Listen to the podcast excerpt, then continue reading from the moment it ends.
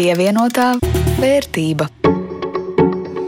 Sveicināti pirmdienā! Skan raidījums pievienotā vērtība. To jums veido Jānis Rāmāns no Latvijas radio un Rudīts Pakauska no Latvijas televīzijas. Šodien raidījumā par dzīvošanu ilgi un zaļi. Ilgspēja un zaļais kurs vairs nav tikai smuki vārdi, bet neizbēgama, daži pat saka, jaunā ekonomiskā kārtība, kurai gribot vai negribot, nāksies pielāgoties. Un, ja kādam tas nozīmēs zaudējumus, tad citiem jaunas iespējas. Kā ierasts, ielūkosimies arī norisēs Baltijas biržā un sīkāk analizēsim kādu konkrētu uzņēmumu, lai saprastu, ir vērts vai ne tādā ieguldīt savu naudu, bet vispirms īsi par aktualitātēm pievienotā vērtība. Ministrs tas pats, bet partija nu cita. Ekonomikas ministrs Jānis Vitsenbergs no KPVLV pāriet uz Nacionālā apvienību. Nu kā tad tā? Šis amats iedalīts mūsu partijai, un attiecīgi Vitsenberga kungam būtu jādemisionē, iekļiedzās KPVLV. Partijas lāsti šoreiz debesīs nekāp, un mīļā miera labad, vai lai valstiski svarīgā brīdī nebūtu ļoti nevēlama ministra maiņa, koalīcija šķiet vienojās, ka ministrs mainīs partiju, nevis valdība mainīs ministru. Savukārt dažādu naudas izkrāpēju, solot debesšķīgus ienākumus, fantastisku peļņu vai izliekoties par ziedojumu vācēju vai kādu iestādi, aktivitāte virtuālajā vidē izaugusi tik tālu, ka Finanšu izlūkošanas dienests paziņojis, ka nu pievērsīsies arī mazākiem finanšu noziegumiem. Jo pagaidām šie noziegumi ir ar mazu iespēju tikt noķertam, bet iedzīvotājiem grauj ticību tiesību sargājošajām iestādēm. Slikta šī nedēļa bijusi arī dažādām kriptovalūtām un pavisam dramatiska Turcijas kriptovalūtu biržās. Tur vienlaikus Turcijas centrālā banka aizliedz izmantot kriptovalūtas kā maksāšanas līdzekli un atklājās lielākais krāpšanas gadījums Turcijas vēsturē. Viens no kriptovalūtu biržām, Todeks īpašnieks, aizlaidies uz Albāniju un nekur nevar atrast divus miljardus ASV dolāru klientu ieguldītās naudas. Nu jau par darbības apturēšanu paziņojas vēl viena Turcijas kriptovalūtu birža un arestēto skaits tuvojas simt cilvēkiem. Tas kopā ar solījumiem palielināt nodokļus bagātājiem Amerikā izraisīs pamatīgu uzticības un kriptovalūtu cenu kritumu. Bēdīgas ziņas arī pasaules avio kompānijām. Startautiskā gaisa satiksmes asociācija palielinājusi zaudējumu prognozi šim gadam par gandrīz ceturto daļu un lēš, ka pasaulē kopā avio kompānijas cietīs ap 40 miljārdu eiro zaudējumus. Salīdzinājumam tas ir apmēram Latvijas valsts budžeta izdevumi šogad reiz četri. Galvenais iemesls - jaunie covid varianti un lēnais vakcinācijas temps nozīmē, ka ceļošana joprojām lielākajai daļai cilvēku paliek tikai kā sapnis. Bet tepat Latvijā iedzīvotāji nedaudz vairāk prognozē, ka nekustamā īpašuma cenas varētu kristies tuvākajā laikā. SEB mājokļu cenu indikātoru aptaujā 14,5% gaida cenu kritumu. Pērn rudenī kritumu gaidīja nedaudz virs 12% cilvēku, bet mazāk iedzīvotāji nekā iepriekš domā, ka cenas kāps. Šobrīd 42,6%, bet rudenī cenu kāpumu gaidīja 44%. Pievienotā vērtība. Nu, gan mēs padzīvosim zaļi. Tā teica Emīls filmā Emīļa nedarba un domājams, šobrīd dažādās toņkārtās un emociju gammā šo sparnoto frāzi loka gan uzņēmēji, gan politiķi, jo tādi vārdi kā ilgtspēja un zaļais kurs vairs nav tikai modīgi vārdi bez satura. Pirms gadiem, desmit vai varbūt pirms gadiem, pieciem, kad es dzirdēju par Eiropas Savienības mērķiem 30. gadam, es skatījos uz to kā uz tādu politisku skaistu apņemšanos, kam pamatā nebija īpaši daudz attīstīts politikas.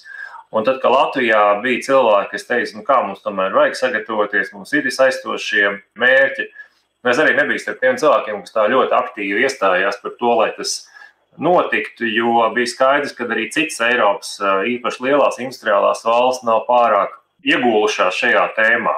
Bet es teiktu, ka nu, tas ir mainījies. Un nu, tas ir mainījies visas pasaules mērogā. Tā Edvards Kušners, Latvijas bankas padomnieks, ilgtspējas virziena vadītājs diskusijā uzņēmēja dienās zemgalē. Kamēr šie vārdi skanēja, atsevišķi politiķi runās varbūt tikai ierakstīti kādā dokumentā, tiem pakaļ neviens īpaši nelēkāja, jo redzēja, ka darbi ar vārdiem nesaskan. Taču tagad sāka par to runāt tie, kam ir nauda. Liela nauda un sako arī praktiska rīcība, skaidro Kušners. Zinājspēks šim procesam ir tieši privātais bizness, Un tās lielās aktīvu pārvaldīšanas kompānijas, nu, teiksim, vārds, ko mēs bieži lasām biznesa presē, kā lielu cīņas ar klimatu pārmaiņām virzītāju BlackRock, kas faktiski ir lielākā aktīvu pārvaldīšanas kompānija pasaulē. Nevar teikt, ka pilnīgi visi ir pieslēgušies bet tās pārmaiņas, kas notikušas gadu laikā, ir iespaidīgas. Un faktiski par ko mēs runājam? Mēs runājam par to, ka lielie naudas turētāji pasaulē šobrīd pieprasa politikas pārmaiņas, pieprasa biznesa izmaiņas, Un tā ir balss, ar kuru nav iespējams nerēķināties ne politiskā, ne biznesa līmenī.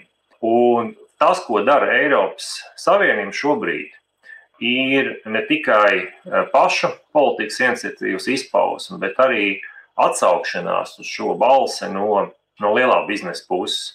Kā zināms, ekonomiku atvesļojošās potes Eiropas Savienībā cieši saistītas ar zaļiem un ilgtspējīgiem mērķiem. Aizītajā nedēļā Eiropas Savienības parlamentā tika panākta arī vienošanās par Eiropas klimata aktu, kas paredz līdz 2050. gadam Eiropas Savienībā panākt klimata neutralitāti, bet kas vēl būtiskāk, sāk definēt to, kas tad ir uzskatāms par zaļu un ilgtspējīgu un līdz ar to arī atbalstāmu. Visam klāt, tas ir arī ģeopolitiskas spēles elements, ļaujot Eiropai atgūt savas pozīcijas un nozīmi pasaules ekonomikā, ko tā ir zaudējusi. Par praktisko pusi konsensus ir no pārmaiņām nevar izvairīties. Un tāpēc gan klimata pārmaiņu, gan iespējamu nozaru politiskos riskus un ieguvumus jau vērtē bankas sadarbībā ar saviem klientiem. Tā stāsta Svetbanka uzņēmuma pārvaldes vadītājs Lauris Mencis vide mainās. Nu, piemēram, temperatūras paaugstināšanās nozīmē, ka mainās vegetācijas periods. Un, tas nozīmē, to, ka no vienas puses paaugstinās riski, piemēram, kad, kad raža var būt mazāk kvalitatīva un, un lielāka varbūtība, ka viņi var iet bojā vai nu sausuma vai slapjuma rezultātā. Es runāju piemēram par Latviju. Ja? Bet no otras puses, varbūt teiksim, pat, nu, palielinoties šim vegetācijas periodam, teiksim, mēs šeit varam teikt, audzēt lielākus apjomus un eksportēt. Ja? Tas, tas ir tajā teiksim, fizisko risku sadaļā. Ja? Otra grupa ir šie pārējais riski. Un tie ir riski, kas teiksim, nu, ikvienam, ja, teiksim, bankai un attiecīgi klientiem ir jāņem vērā, kas notiekās vai rezultējās no tā, ka tiek uzsākta šī pārēja uz ilgspējīgu teiksim, ekonomiku. Un šajās pārejas posmos, eh, teiksim, nu, kad eh, pēkšņi kādai nozarei var nākt ļoti nelabvēlīgi likumdošanas teiksim, piedāvājumi. Arī uzņēmums saprot, ka nākotne un jaunā, modernā krāsa ir būt zaļiem un ilgspējīgiem, kas nevienmēr ir lēti, dažkārt pat neiespējami. Turklāt svarīga prasme ir arī ar lielu entuziasmu neskriet ratiem pa priekšu, tā norāda olu ražotāja Baltikovo komunikācijas un attīstības direktors Toms Auškāps. Uzņēmums pēdējā laikā ir veicis vairākas nozīmīgas investīcijas, lai kļūtu ilgtspējīgs, piemēram, attīrīšanas iekārtās, kuras pašas par sevi nekādu peļņu nenes, bet galveno toni tomēr nosaka patērētājs, pircējs. Patērētājs ir eh, patiesībā tas, kurš noteiks to, kā mums attīstīties. Un, un, un šajā gadījumā es runāju par, gan par vistu labturības apstākļiem, ja tagad ir liela populāra tēma par ārpus sprostu dētām olām. Tas ir tas, ko mēs jau sen esam iesākuši darīt, bet arī prātīgi, saprātīgi, saskaņā ar. Mēs ļoti monitorējam pieprasījumu, lai mēs arī neskrienam pa priekšu laikam. Jo, ja mēs tulīt visas vistas palaidīsim brīvā vai, vai, vai konvertēsim uz bioloģisku, tad skaidrs, ka tā cena tik strauji uzies augšā, ka, ka šis produkts kļūs par pieejamu tikai augstdzimušajiem. Ne? Tieši tāpat tās ir otra lieta ir par iepakojumu. Iepakojums arī e, mēs arvien vairāk jūtam un, un, un, un novērtējam to, ka patērētājs tam pievērš arvien vairāk uzmanību. Un arī agri vai vēlu izvēlēsies tos iepakojumus vai produktus, kur ir iepakoti atbildīgi, ilgspējīgi Ir skaidrs, ka turpmākajos pāris gados vismaz Eiropā jauni likumi un noteikumi, prasības un arī atbalsts zaļām un ilgspējīgām idejām strauji pieaugs, un tas jāuztver gan kā nopietns risks, gan kā jaunas iespējas. Lielākā kļūda būtu, līdzīgi kā ar naudas atmazgāšanas lietām, ignorēt pasaules tendences un brīdinājumus gadiem, un tad, kad viss jau praktiski nokavēts, tikai tad iet cauri sāpīgām kapitālam remontam pievienotā vērtība. Turpinājumā ielūkosimies norisēs Baltijas vērtspapīra tirgu. Aizītajā nedēļā visu Baltijas valstu biržas plusos. Rīgā un Viļņā par mazliet vairāk nekā pusprocentu kāpums, bet Tallinn līderos ar pusotru procentu izaugsmi. Tirgotāko vērtspapīru topā bez būtiskiem pārsteigumiem. Līderis Lietuvas energokoncerns Ignitis grupe darījumā par aptuveni 2,5 miljoniem, bet akciju cena turpina stabili mīņāties uz vietas. Otrs tirgotākais vērtspapīrs - Lietuvas bankas Šauļbankas akcijas, tirgotas 2 miljonu eiro vērtībā, akciju cena turpina kāpumu aizdītajā nedēļā plus 1,6%. Bet trešajā vietā vēl viena banka no Igaunijas. Kupanka akcijas darījuma pusotra miljona eiro vērtībā, bet arī viens no straujākajiem kāpumiem akcijas cenai. Nedēļas laikā vērtībai 9% plusā. Bet, ja kādam akciju portfelī ir Tallina Vesija, jeb Tallinas ūdens akcijas, pēdējo pāris nedēļu laikā jādomā, ko darīt ar saviem vērtspapīriem. Piekrist obligātiem atpirkšanas piedāvājumam vai tomēr nē. Linda Zalāna pastāstīs vairāk par šo uzņēmumu un cik tas interesants investoriem very well, warm welcome to the, the first webinar of uh, 2021. Esošos un potenciālos investorus webinārā uzrunā Igaunijas ūdens apgādes uzņēmuma Tallena Vesī izpildirektors Karls Heinobruks. Viņš atzīst, ka 2020. gads tāpat kā citām nozarēm, arī ūdens apgādes jomā bija izaicinājumi pilns. No vienas puses cilvēki vairāk laika pavada mājās, līdz ar to privātu personu ūdens patēriņš pieaug par 5%. Tomēr otrā svara kausā jāliek korporatīvie klienti - spā, restorāni, kafejnīcas un citi, kas pandēmijas radīto ierobežojumu dēļ vai nu apturēja savu darbību vai samazināja tā apmērus, līdz ar to komerciālo klientu ūdens patēriņš jeb apgrozījums no šiem klientiem saruka par vairāk nekā 18%. Uzņēmums paredz, ka arī šī gada pirmajā pusē ūdens patēriņa apmērus ietekmēs Covid-19 izraisītā situācija, bet vidējā termiņā prognozē atgriešanos pie iepriekšējiem patēriņa apmēriem. Tomēr par spīti patēriņa kritumam, kas atspoguļojas arī apgrozījuma sarukumā, 2020. gads uzņēmumam bija ražīgs investīciju ziņā.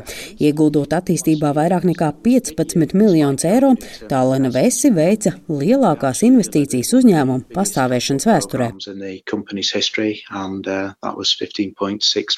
Karls Hēno Brūks uzrunāja investoriem pauž cerību, ka vakcinēšanās tēmas Igaunijā šajā gadā uzņems apgrozījums apgriezienus, kas ļaus atgriezties ierastā darba ritmā uzņēmuma komerc klientiem, līdz ar to sagaidāms arī Tallina Vesi apgrozījuma kāpums. Uzkrājuma un ieguldījuma eksperts Kaspars Pēcinieks atzīst, ka Tallina Vesi ir stabils uzņēmums ar labu reputāciju, turklāt vinētāji ir tie, kas šī uzņēmuma akcijas iegādājušies pirms laba laika.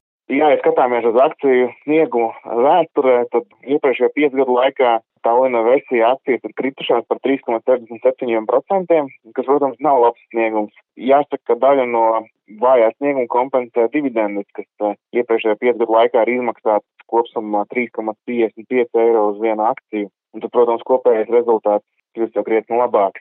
Ūdens patēriņa sarukuma dēļ pērn par 18% samazinājās arī Talina Vesi apgrozījums.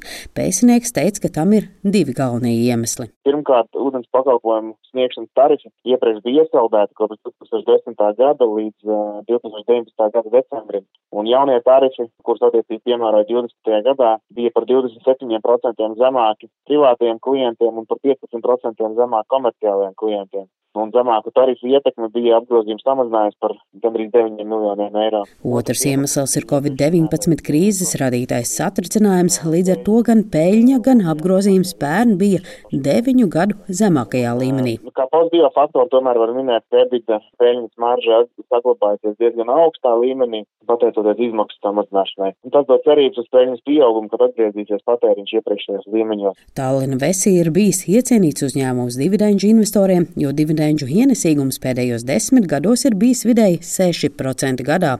Uzņēmums savā dividendu politikā ir noteicis, ka 50 līdz 80% no neto peļņas tas izmaksā dividendēs. Ja skatāmies uz eh, valuāciju, tad cenas un peļņas attiecība šobrīd ir 16,83, kas ir ievērojami augstāk nekā desmit gadu vidējais rādītājs. Tāpat arī cenas un apgrozījuma rādītājs ir būtiski augstāks. Arī dividendžu ienesīgums, kā jau minēju, varētu būt krietni zemāks. Līdz ar to kopumā uzņēmums šobrīd šķiet uh, relatīvi dārgs. Un tad kopumā man Tallinā vestīja uzņēmuma akcijas šobrīd neliekas pievilcīgas ieguldīšanai. Gan tas, ka uzņēmuma valūcija ir relatīvi augsta, līdz ar to akcijas ir dārgas. Turklāt potenciālais dividendžu ienesīgums ir krietni zemāks nekā iepriekšējos gados. Tāpat arī dēļ zemākiem tarifiem uzņēmumam nākotnē var būt izaicinājums sasniegt iepriekšējo gadu apgrozījuma apmērus. Pēcinieks atzīst, ka viņam Tallinā Vesī akcijas šķistu daudz pievilcīgākas, ja tās būtu par kādiem 20% lētāk. Viņa prāta potenciālie investori šo uzņēmumu izvēlas tā stabilitātes dēļ, proti nogulda naudu drošībā. Pēdējais lielākais notikums akcionāru vidū bija tas, ka uzņēmumu izlēma pamest viens no lielākajiem akcionāriem, un tā vietā Tallinas pilsēta palielināja savu akciju īpatsvaru uzņēmumā. Linda Zalāne, Latvijas radio. Pievienotā vērtība. Ar to arī izskan raidījums pievienotā vērtība. To jums sagatavoja Jānis Ramāns no Latvijas radio un Rudīts Pakauska no Latvijas televīzijas. Par labskaņu rūpējās Kaspars Groskops. Šos un citus mūsu raidījumus varat atrast arī internetā, Latvijas radio mājaslapā un arī noklausīties podkāstos.